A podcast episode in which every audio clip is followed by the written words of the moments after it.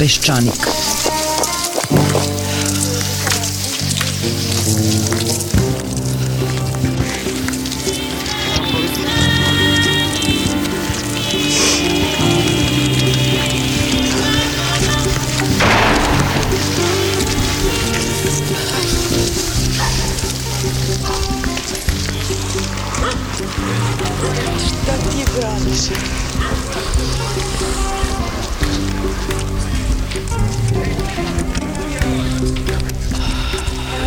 Peščanik.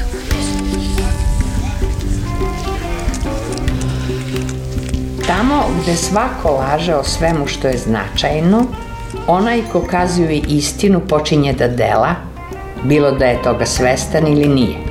Tako se i on upliče u političku delatnost, jer u slučaju da preživi što nije sigurno, on započinje promenu sveta.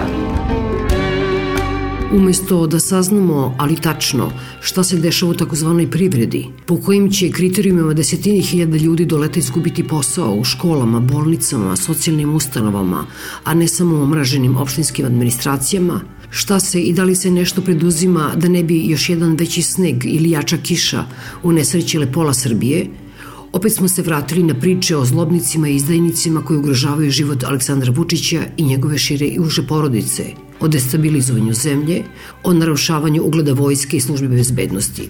Vučić nije mogo da sačeka da se vrati iz Beča, već nam odatle viče kako se vodi kampanja protiv vojske sa ciljem da se izazove nestabilnost Srbije, da deo političke javnosti pokušava da sruši sve ono što je dobro u Srbiji.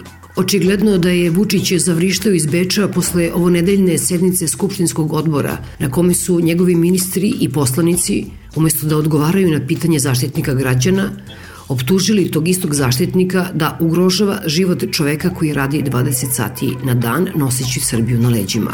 A posebno da ombudsman ugrožava nacionalnu bezbednost i sramoti časne oficire Vojske Srbije. Drugi povod za ovaj najnoviji Vučićev ispad je to što je Fond za humanitarno pravo predstavio dan posle sednice odbora za bezbednost dosije Rudnica u kojem navodi podatke o 53 kosovskih albanaca civila čija su tela eshumirana iz masovne grobnice u Rudnici prošle godine i pozvalo tužilaštvo za ratne zločine da pokrene istragu protiv odgovornih lica. U tom dosijeu se navode dokazi koji, kako je rečeno, ukazuju na odgovornost ili ulogu pripadnika 37. motorizovane brigade Vojske Jugoslavije, čiji je komandant tada bio sada aktualni načelnik generalštaba Vojske Srbije Ljubiša Diković. Vučić je naravno rekao da on lično ne veruje da načelnik generalštaba može da bude ratni zločinac, da ga blate oni koji nemaju nikakvu podršku naroda i primećuje da su napadi na vojsku Srbije počeli nakon doprinosa vojske u odbrani Srbije od poplova, da su nastavljene posle velike parade povodom oslobađanja Beograda i da to ima veze sa izazivanjem nestabilnosti u Srbiji. Ja želim da umirim građane Srbije i da kažem da bez obzira na sve što su neki radili prethodnih dana, rekao je Vučić, bez obzira na sve ono što je tek pred nama, da će Srbija ostati politički i ekonomski stabilna. Moja poruka je, rekao je na kraju, da Srbiju neće umeti i neće moći i neće uspeti da sruše. Navikli smo na histerične političke ispade Aleksandra Vučića i njegovih ministara i poslanika, međutim, ova takozvana odbrana časnih oficira, pre svega iz Vojno-bezbednostne agencije i Bezbednostno-informativne agencije, može možda da znači da je rešio da kada mu jednog dana kucne čas, neće mirno sići sa vlasti. Porasto je Vučić naučio nešto iz iskustva Slobodana Miloševića koji je slepo verovao vojsci i policiji, pa su mu oni na kraju u odsudnom času okrenuli leđa. Zato vojsku i policiju i sve njihove službe treba držati čvrsto u sebe, braniti iako su kršili zakon, pratili i presluškivali političke protivnike, iako su možda i ratni zločinci. Narod nije pouzdan, začas se ustremi na nekada voljenog vođu, zato sila mora biti strogo kontrolisana i pouzdana saveznica. U današnjem Peščaniku slušate razgovor koji smo vodili sa ombudsmanom, odnosno zaštitnikom građana Sašom Jankovićem i poverenikom za informacije od javnog značaja i zaštitu podataka o ličnosti Rodoljubom Šabićem. Gospodine Jankoviću, sudeći po onome što smo mogli da vidimo na televiziji, da čitamo izveštaje u novinama, vi ste prošli svoje vrstnog toplog zeca u Skupštini. Ako mogu da sublimiram posle toga što sam videla, što se dešalo u Skupštini, a i posle onoga što je, recimo, ministar Gašić govorio sutradan, po održavanju te sednice jeste pod jedan da ste vi uznemirili građane, Pod dva, da ste narušili ugled e, vojne bezbednosti i cele vojske, i to je ta gradacija negde. I pod tri, da ste a, na neki način ugrozili bezbednost samog premijera Srbije. To u Srbiji najčešće znači da ste obeleženi od strane ovog puta vladajuće većine, odnosno njenih poslanika. Upravo je to razlika u odnosu na sve doša, dosadašnje slične slučajeve. Do sada su ljudi takođe bili obeležavani kao izdajnici, ali su to radili nekakvi posrednici svake vlasti, dakle nikad direktno vlasti. Ja sam se oglašavao tim povodima poslednji put, čini mi se Srđa Popović je bio od strane jedne političke stranke koja nije na vlasti, političke grupe, obeležen kao neko ko priprema napad na demokratski uređenu vlast u Srbiji. Ja sam i tada reagovao. Ovo je možda prvi put da se iz redova direktno neposredno vlasti, dakle od strane ministra i od strane istaknutog predstavnika vladajuće stranke, takve tvrdnje upućuju i to prema državnom organu. Ne može to da bude dobro ni na koji način. Ja smatram da je jedino što čuva bezbednost svih nas vladavina prava i da ne možemo biti manje ili više bezbedni u zavisnosti od trenutne volje ili dogovora da je vrhovni praktično imperijum za sve nas, za bezbednost svih nas, pa i za bezbednost premijera i za bezbednost države, vladavina prava i to je moj posao da se time bavim. Za naše slušalci i ne gledalci, tako da kažem, kažete Srđe Popović, najčešće mislimo na našeg stalnog sagornika, koji inače više nije živ, advokata Srđe Popovića, mislite na mladog Srđe Popovića, je tako? Da, da, prosto samo da ne bude, da ne bude zabune. Ono što je zabrinulo jeste da je nekoliko poslanika Srpske napredne stranke konkretno govorilo o tome da ste vi ugrozili bezbednost premijera Vučića, Ova izjava koja usledila od jutros od ministra Gašića ponovo zapravo apostrofira pre svega taj nivo, tako da kažem, razgovora. I onda odjednom uh, slede rečenice, a to je da je vojska diže glavu, a da nekima nije u interesu to da vojska digne glavu ili tako nešto, jeli? Vojska je valjda dizala glavu i Vojno-bezbednostna agencija pre godinu i po dana kada mi je dodelila ta ista Vojno-bezbednostna agencija povelju za doprinos u, u snaženju snaženju sistema bezbednosti vojnog sistema bezbednosti. Dakle, ja bih voleo da vojska diže glavu ako to doprinosi bezbednosti građana svih Srbije. U državi postoje pravila ko šta treba da radi, postoje jasna pravila šta vojska sme da radi. Nisu građani Srbije neobrazovani da ne znaju šta se može desiti kad vojska prekorači svoje nadležnosti ili kad krene da ih prekoračuje. Po pitanju konkretne bezbednosti predsednika vlade, to je dosta delikatna optužba za mene tim pre što se zna šta, je, šta se jednom našem predsedniku vlade desilo i sasvim sigurno ja moram jako loše da se osjećam kad bilo ko uopšte pomene da bi zaštitni građana Republike Srbije mogo da radi protivno bezbednosti bilo kog pa i premijera. Međutim, sasvim sam siguran da je bezbednost predsednika vlade najbolje sačuvana tako kad svako radi svoj posao baš onako kako treba i niz propusta koji su očigledno postojali u obezbeđenju predsednika vlade jer je rečeno da su ona dva pripadnika Kobri u stvari deo njegovog obezbeđenja. Očigledno da postoji niz propusta koji treba da se reši. Video to predsednik vlade ili ne. Moj posao je da na te propuste ukažem. Dakle, nema verovatno teže ljudske optužbe nego da neko nekom nastoji da smanji bezbednost, ali još jednom da su pripadnici vojske čak Vojno-bezbednostne agencije i Ministarstva odbrane sarađivali u postupku kontrole kao što se uvek sarađivalo do sada u postupku kontrole, ovi propusti ne bi ni izašli na videlo. Međutim, kada se suočimo sa tim da li nekome možda čuvati reputaciju, vojsci, ali čuvati reputaciju ili otvoreno reći ljudi postoje ozbiljni problemi, dakle obezbeđenje premijera se druži s njegovom porodicom, to nije profesionalan odnos. Obezbeđenju pre, premijera ispadaju pištolji na ulicu s metkom u cevi, obezbeđenje premijera kreće se maršrutom koja nije najavljena prethodno policiji, sutra će doći i zamalo je došlo do još težeg konflikta.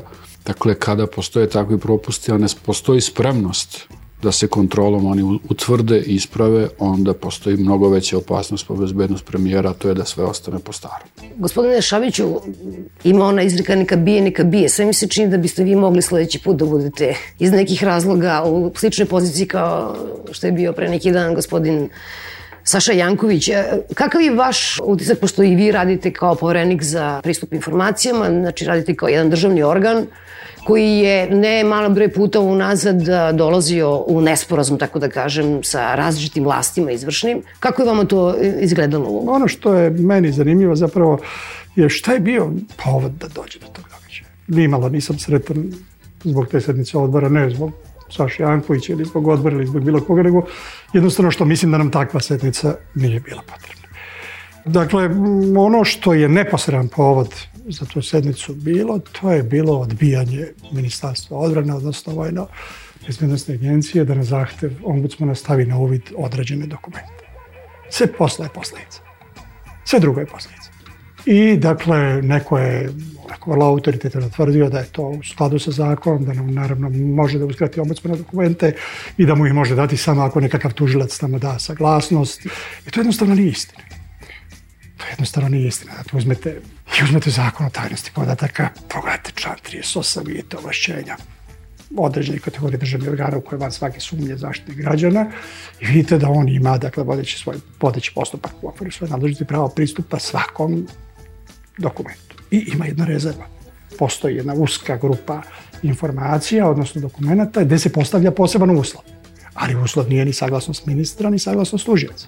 Uslov je da je prethodno prošao bezbednostnu proveru koja se potvrđuje odgovarajućim sertifikatom. I Saša Janković je kao ja odavno prošao tu bezbednostnu proveru i ima sertifikat. Sad, otkud sad odjednom taj tužilac, saglasnost, da ćemo, nećemo dati i tako dalje. Uz uvijek rečeno delovalo je, znate, gotovo groteskno u trenutku dok se raspravlja, dakle, da li treba taj tužilac da daje saglasnost, tužilac razlogom čuti, on je u neverovatnoj poziciji, sam mislite da dajete, da imate, oglašava se udruženje tužilaca Srbije i kaže, po Bogu, dajte zaštitu građana taj dokument.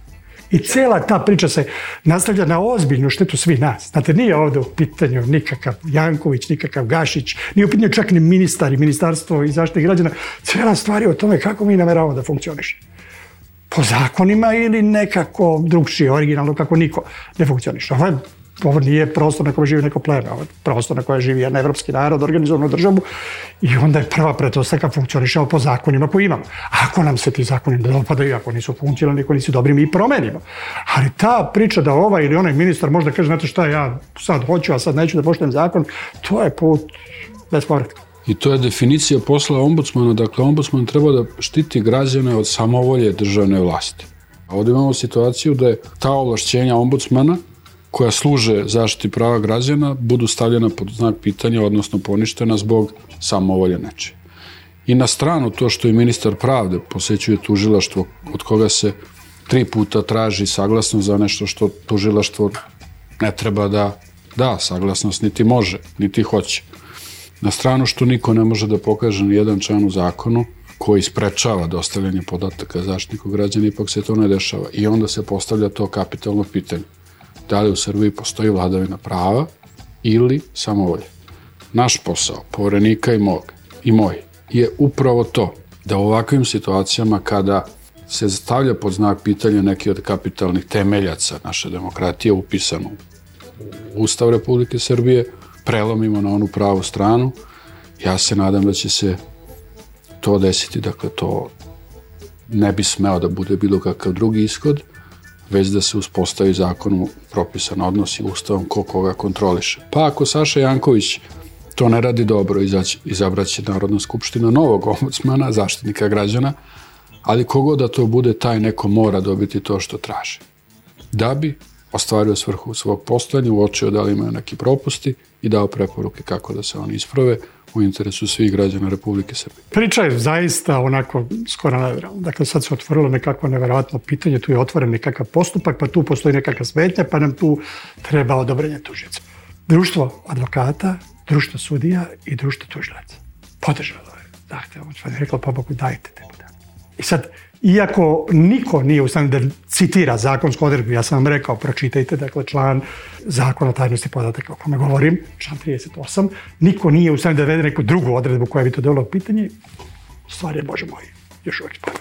Čitam ovoga Momira, kako se zove Momir Stojanović, odluka je da ne može da se e, daju dokumenti bez oznake tužilaštva. Kao da se ništa nije desilo, kao da nisu već se oglasili ljudi koji su kompetentni, koji su tužioci ili sudije ili advokati. To otprilike znači ne verujete, ne verujete valjda svojim očima, čujete šta vam pričamo.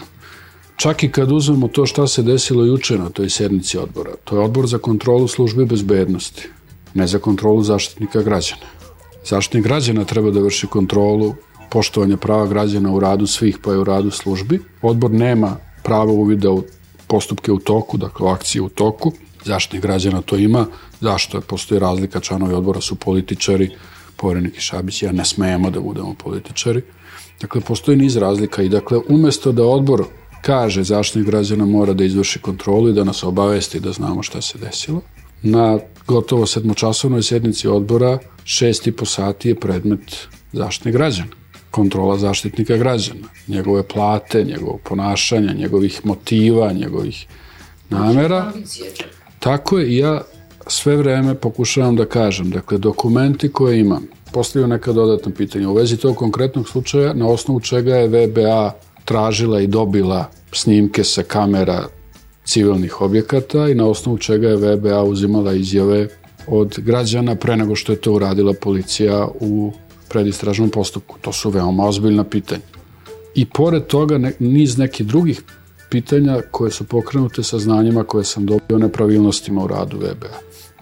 Dakle, umesto da odbor kaže dajte da zaštitni građane sprovede kontrolu, pa da nas obavesti o rezultatu, odbor traži od mene da ja dostavim njima saznanja koja imam, pri čemu članovi odbora čak i nemaju bezbednosti sertifikat, bar ne svi, ne mogu da znaju akcije koje su u toku i dakle nije moja svrha da ja obaveštavam odbor pa da oni izvrše kontrolu, nego da ja izvršim kontrolu. Opet, nažalost, moram da citiram Ustav, zaštitnik građana štiti prava građana i kontroliše rad.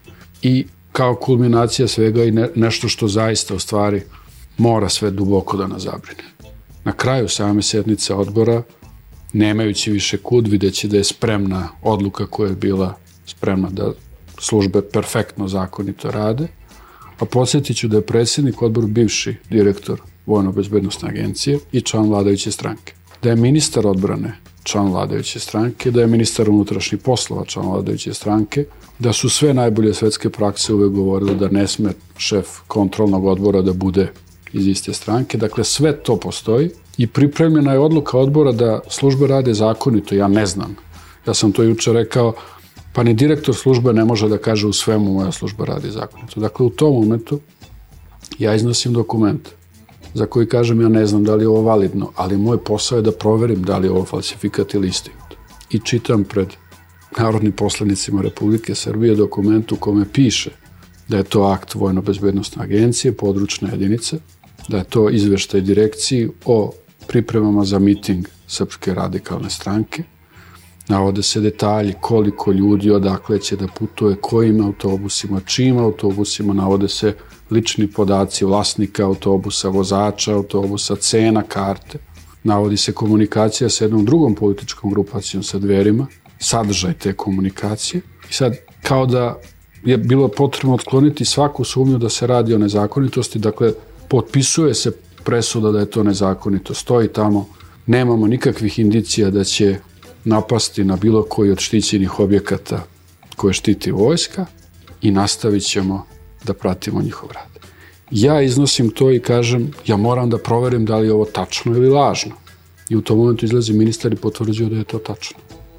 I dva minuta nakon toga donosi se zaključak da u radu Vojne službe bezbednosti nema nikakvih nezakonitosti. Dakle, ja sam upravo prezentovao dokument o tome da Vojna služba bezbednosti prati rad političke stranke koja meni može ili ne mora ili vama da se sviđa, ali nije zabranjena.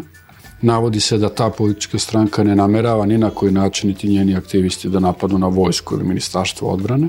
Sve i da namerava, opet bi VBA morala o tome da obavesti BIU i policiju pa da zajedno to rade. Dakle, navodi se da nema nikakvih osnova za postupanje VBA u bilo kom obliku, kaže se da će nastaviti da, da prati njihov rad. Dakle, to je mešanje vojne službe u politički život Srbije. I odbor za kontrolu službe bezbednosti kaže nema nikakvih nezakonitosti. To je legitimno pravo odbora da on oceni to što ima. Ali je legitimno pravo i dužnost zaštitnika građana da stane u zaštitu političkih prava građana bez obzira da li mu se ona sviđa ili ne. Ja nemam pravo na takvu vrstu preferencije i da kaže ovo je izašlo iz domena zakona, VBA je prekoračila svoje nadležnosti, zadrala u politička prava građana, ovo mora da prestane ovog momenta i za, neko mora, za ovo neko mora da odgovara. To je moj posao. Samo mi objasnite te detalje. Jedan, e, šta je značila objašnjenje ministra Gašića da je taj dokument u stvari delo nekog pukovnika koji je inače smenjen i penzionisan zato što učinio neko krivično delo. O čemu se to radi? Vidite, to je u stvari potvrda autentičnosti. Prvo ja svesno i namerno nisam naveo ko je potpisao taj dokument. A ministar izašao i rekao da zna ko je potpisao taj dokument, što znači da je taj dokument ranije video. Inače bi rekao, ja nemam pojma o čemu vi pričate, ja bih rekao upravo je to svrha kontrole, da mi proverimo je li ovo pravo ili ne. Međutim, ministar izlazi i kaže, ja znam ko je to napravio, to je naš pripadnik, pukovnik, koji je u postupku ili smenjen ili penzionisan za to što je proneveru nekako napravio. Da je kojim slučajem ministar rekao da ja znam za taj dokument i zbog tog dokumenta smo pokrenuli disciplinski, krivični i sve ostale postupke, to bi bilo mnogo, mnogo bolje. Međutim, ministar prvo potvrđuje da zna za dokument i kaže da je taj čovjek zbog sasvim druge stvari sklonjen iz VBA. Dakle, i u tom momentu dakle, imamo potvrdu autentičnosti dokumenta, imamo potvrdu da VBA nije zbog nezakonitog rada svog pripadnika oficira visoko sklonila, dakle to nije makar koji oficir, to je dakle šef područne jedinice VBA. U tom momentu Skupštinski odbor za kontrolu službi pod predsjedavanjem bivšeg direktora te iste VBA kaže sve u redu. Ponavljam, njihovo je pravo da to kažu i završit ću komentar o tom jučerašnjem događaju. Podsjetit ću na narodnog poslanika koji je rekao mi smo parlament, mi smo poslanici, iznad nas je samo Bog. Smenit ćemo Jankovića ili šta god, Janković napada na bezbednost, iznad nas je samo Bog.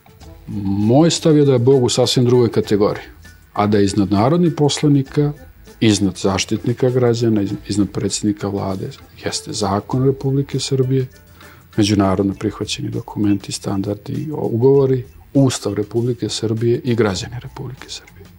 I to je ono što je iznad nas i to je ono što je iznad parlamenta. Dakle, to shvatanje iznad nas je samo Bog.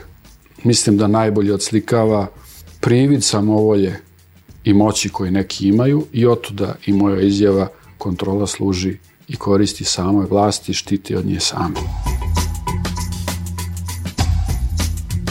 Gospodine Šaviću, vi ste takođe imali problem sa ministarstvom odbrane kada ste tražili, zato što je to su naše kolege tražile, da se da informacija o remontu MIGova 29 Vi ste dva puta kazneni, koliko sam ja razumela, ministarstvo vojno, zato što je to odbilo da uradi i na tome je stalo, tako to nikada ništa nismo htjeli o tome da, da kažu. Ponovo je reč bilo o podrivanju bezbednosti. Jedna od stvari koje sam spominjao, zna da, ja sam rekao u jednom saopštenju reagujući da to da je meni definitivno nejasno ili reč o onako krajnje ozbiljnom zabrinjavajućem nepoznavanju propisa ili reč o nečem što je još gore od toga. Dakle, o svesnom delovanju sa sebi izbori ekskluzivna pozicija u kojoj sam ja kao ministar biram koji zakon hoću da primenim a koji neću i koju odluku, iako u zakonu piše da je za mene obavezujuća, hoću, a koji neću da primenim. Dakle, da, da, da je bilo jasno čemu se radi, dakle, jedna novinska agencija podnela je zahtev da dobije podatke o ceni, ceni remonta migova koji izvršena pre 8 godina i o efektima tog remonta. Bilo je dosta priča o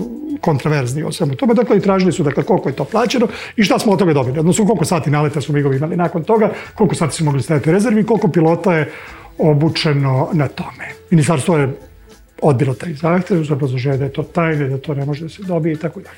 E sad, onda su se oni odlučili da objave podatke o ceni, ali, bože moj, ove druge podatke nisu objavili, jer eto, to će ugroziti bezbednost. I doneo sam odluku i naložio ministarstvu da da sve te informacije.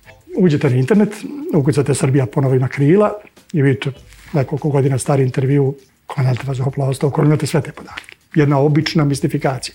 Dakle, neću da ulazim u priču da oni koji bi to eventualno mogu da zanima, primjer radi NATO pakt ili, ili Rusija, dakle, pretpostavljam ministru mogu da saopšte ne sate, nego sekunde naleta naših migova. Ali ovo je objavljeno u novinama, ovo su vojni funkcioneri i ministri. Bivši ministar Stanković je šest godina pre nego što je naš ministar rekao da je to tajna saopštio cenu A u intervju, rekao sam i naslov, da bi vaši slušalci mogli da ukucaju na Google, dakle, Srbija ponovo ima krila, imate podatke o broju naleta, o rastu broja naleta, imate podatke o broju pilota u tom trenutku, imate podatke o tome kolike su nam godišnje potrebe.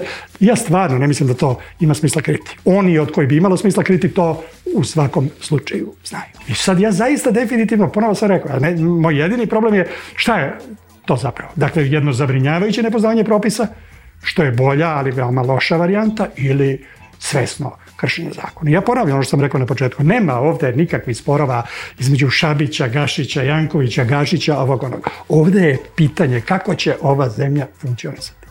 Po zakonima ili drugačije. I to je naš, to je fundamentalno pitanje. Od toga zavisi sudbina ove zemlje.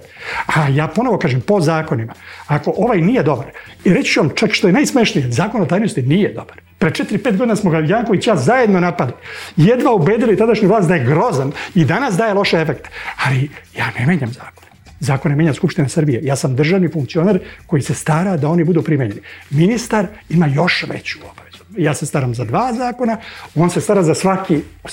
Svaki ministar. Dakle, takva izjava, dakle, ja znam dokle priča ide i baš mene briga što u zakonu piše da je odluka za mene obavezujuća, ja to neću izvršiti, to je nešto što ja ne mogu. Ali vidite, to je, kako kažete, dalje neznanje ili ne znam, to je demonstracija, mi to doživimo kao demonstraciju Ponavljam, sile ne, ne, sa stanovišta svetlana, sa stanovišta konsekvencije, to je potpuno svoje jedno. Tako je, To jeste. može, uslovno rečeno, s moralnog stanovišta da bude delimično relevantno. Sa stanovišta posledica je u svakom slučaju jako Absurdno je da mi u 2015. godini uopšte imamo potrebe da raspravljamo o tome šta je to što rukovodi ministra da kaže ja ću da primenim ili neću da primenim zakon, ja ću da kažem kad će priča da stane ili ne. To je najabsurdnija situacija. Mi sad ubeđujemo nekoga da zakoni mora da se poštuju. Ne znam kako da, da sam sebi objasnim situaciju u kojoj, ili ponavljam, ja juče kažem, gospodo, imate zakon koji kaže morate dati zaštitniku građana. Ne možete da pokažete ni jedan u kome kaže, stoji da to nije tačno. Znate, pročitao sam nešto što, ne znam, sramota me, ponekad me sramota da, jer mislim da je Srbija iznad ovog nivoa. Ja ne mislim da smo mi na nultoj tačci demokratije, da mi krećemo od nule, bar ne bi trebao. Dakle, ja sam narodnim poslanicima prepričao i pokazao moje pismo ministru u kome ja citiram ustav, zakone, objašnjavam, dajem pravo na tumačenje. Onda sam rekao, vidite kako se to radi u Europskoj uniji koje mi težimo, to jest vi ste doneli političku odluku, ne ja. I onda sam pročitao pismo Evropske ombudsmanke službi Evropske komisije za spoljne poslove, dakle njihovo ministarstvo spoljnih poslova i EULEX-u. To pismo, dakle, za razliku od mojih praktično mojakanja i objašnjavanja poštujte zakon, dajte mi, to pismo glasi ovako. Saznala sam za krivičnu istragu u Eulexu u Prištini u vezi sa korupcijom. Odlučila sam da pokrenem istragu po sobstvenoj inicijativi. Naporedo sa tekućom krivičnom istragom koja, koja teče, obaveštena sam da je imenovan specijalni izvestilac za tu temu da to ispita. Bez obzira na to odlučila sam da se i sama uverim u to da li ste uradili sve da do ovakve situacije dođe. Obaveštavam vas da je potrebno tom i tom čoveku da omogućite pristup svim vašim dokumentima i završna rečenica koju mislim da ću zapamtiti za ceo život. U ovom momentu od vas se ne očekuje i podebljano i podučano, ne očekuje da dajete bilo kakvo mišljenje o ovoj stvari. Tačka, kraj. Ja to čitam našim narodnim poslanicima i kažem, zaštitnik građana Republike Srbije objašnjava, prepričava zakone, moli, kumi, zbog vas mi treba da pokažemo da smo zemlja vladavine prava. Pogledajte kako se to radi. I onda izađe tri poslanika i kaže, pa ja mislim da to treba tumačiti drugačije. Pa onda ministar kaže, ali mi smo tri puta tražili od tužioca odobrenje i još nam nije dao odobrenje, tražit ćemo i četvrti. Pa očigledno da čovek Dovedeno u nemoguću situaciju. nemoguću situaciju. I ponavljam, paralelno sa tim traženjima ministar pravde posećuje to tužilaštvo. Ne želim da impliciram ništa drugo, ali to su jako loše poruke za naše pravosuđe. Nas dvojica i još neki organi smo u stvari organi koji treba da spreče potrebu da pravosuđe rešava probleme između građana i države, klasičnih državnih organa. Zaštitnik građana postupa da građanin u situaciju koju ja kao državni organ vidim da je građanin u pravu, ne bi morao da tuži sobstvenu državu, izlaže se troškovima, pa onda tu državu i sve poreske obveznike troškovima. Ali ako pravosuđe ne funkcioniše idealno, nas dvojica, pogotovo ja, jer poverenik bar ima to obavezujuće izvršne ove naloge, odnosno rešenja, ja praktično blefiram. Ja moram da apelujem, ironije li, da apelujem na državne organe, na ministre, da poštuju zakon. Paralela sa Ministarstvom unutrašnjih poslova. Ministar unutrašnjih poslova kaže zaštitnik građana je podneo krivičnu prijavu protiv dva vojna policajca na osnovu dokumenta MUPA, ali ja sam tu da odredim koja su dokumenta validna. I onda kaže, ne veruje se 30-torici žandarma koji su dali izjavu, čak ne ni za toliko da se posumnja da govore istinu, jer kad se posumnja, onda se pokreće predistražni postupak. Ne veruje se 30-torici njih, ne veruje se odeljenju za bezbednost i zakonitost u radu žandarmerije, koje je napisalo utvrđuje se, pa tog događaja. Ne veruje se komadantu žandarmerije koji disciplinski sankcioniše žandarme i onda kaže u obrazloženju zato što, kako da se onda tim ljudima veruje sutra kad napišu prijavu protiv meni ili vas? Ako im se, ajde sve da ih otpustimo. Dakle, ta doza pravne nesigurnosti koja se sad unosi ne može da bude dobra da se vrati na početak emisije ni za čiju bezbednost. Verujte mi, kao građaninu i kao funkcioner zemlje, nije mi ni najmanje prijetno da živim u zemlji u kojoj funkcioner tog formata kakav je ombudsman ili zaštitnik građana je pod znakom pitanja da ugrožava državnu bezbednost. I zašto to govorim? Ja ne znam koliko ljudi ima, ne verujem da ih ima više od 15 ili 20, koji su prošli najrigorozniju moguću bezbednostnu provjeru. I Janković je prošao tu provjeru. I sad, ako ja tvrdim da je on čovjek koji ugrožava državnu bezbednost, ja de facto tvrdim da je ta naša bezbednostna informativna agencija jedna potpuno bezbedna organizacija. I VBA, i VBA je radila. Da, da, to je on. Da me razumiješ.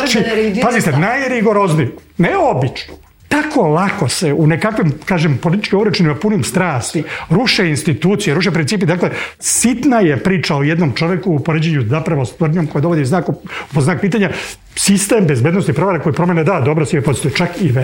I ona je učestvovala. I VBA je učestvovala. Šta to I znači? I gde su uopšte limiti za tu diskvalifikaciju te vrste? Pa da se vratimo na ovo što ste me pitali. Dakle, ja godinama upozoravam dakle, da, da sem prvog inicijalnog koraka kad smo pre više godina dobili zakon o zaštiti podataka ličnosti na taj način nagovestili da smo krenuli tim evropskim putem. Jeli?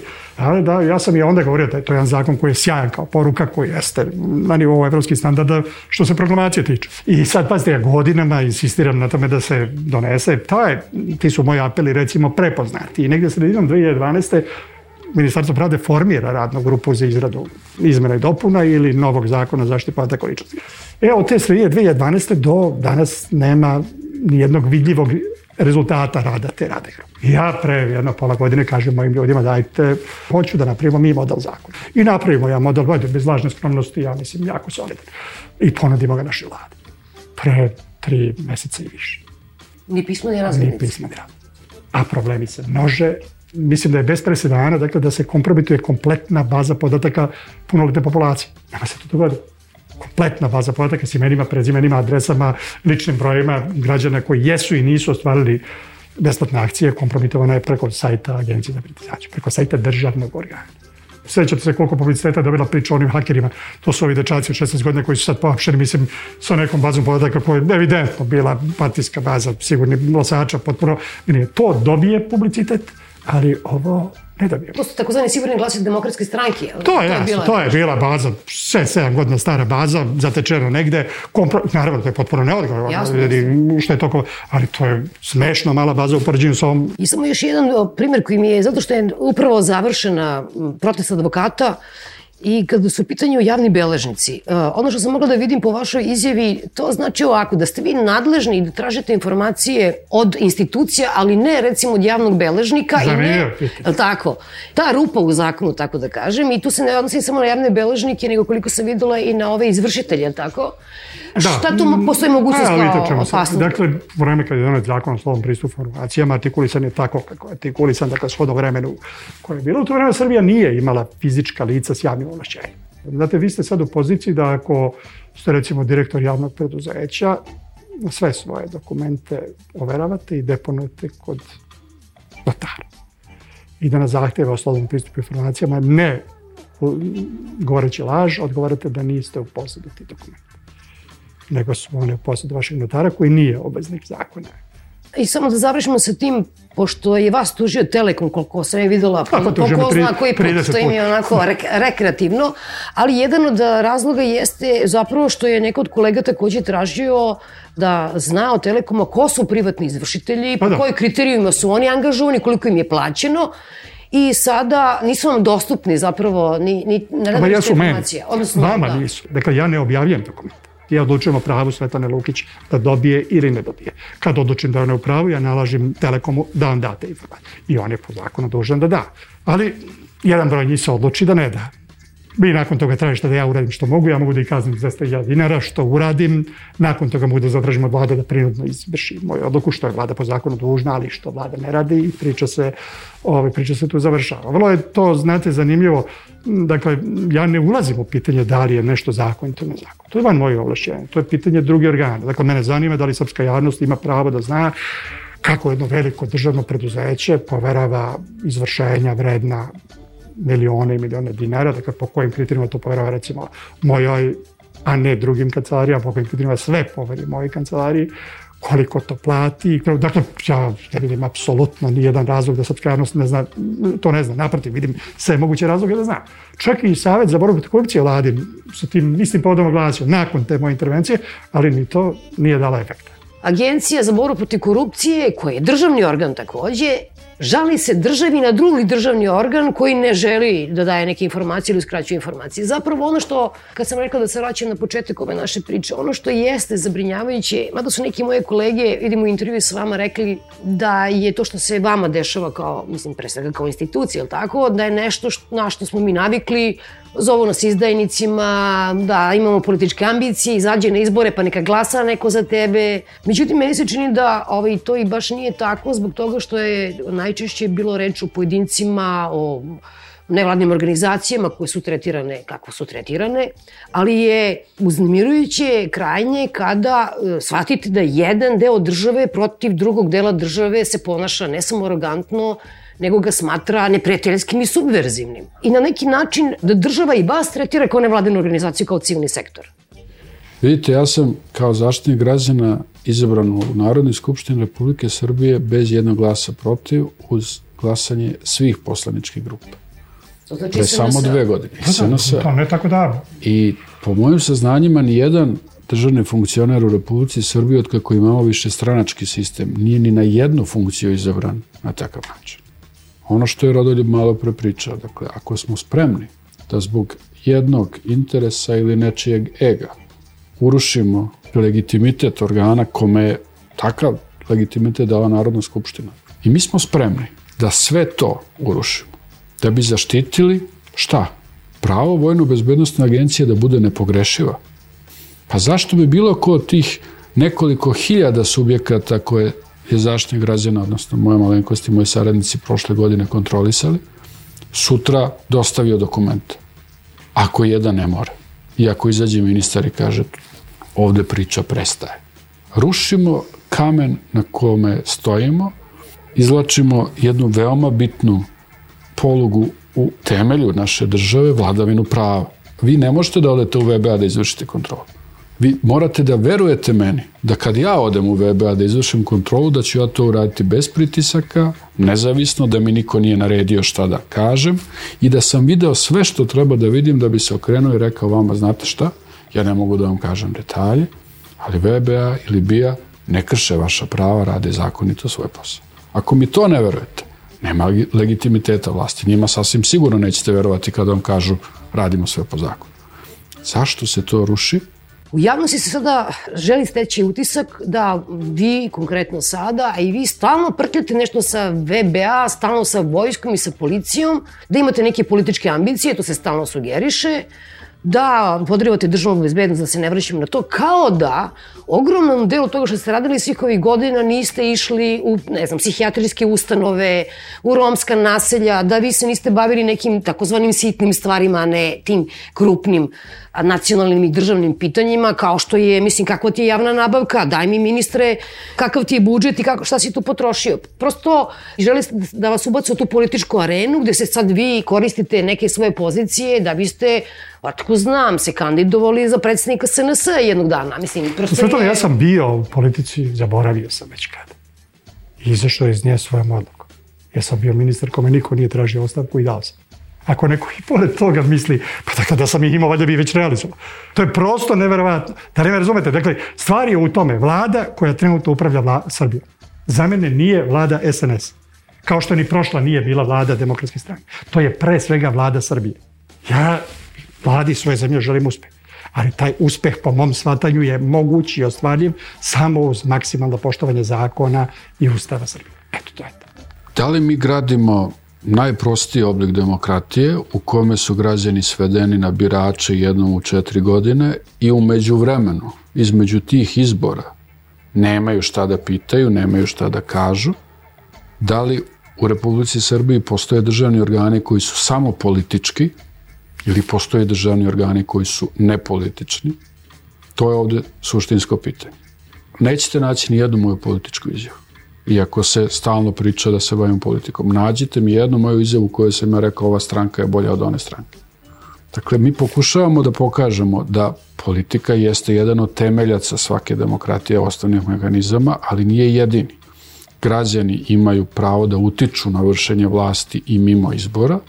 Nije to kao što stalno pričamo, izađete na izbore, sačekajte na izbore, dobite mandat od naroda, pa vi ovo radite. Ne, vi kad dobijete mandat od naroda, vi ste i dalje pod kontrolom svaka vlast mora permanentno da bude pod kontrolom, nisu izbori jedina kontrola.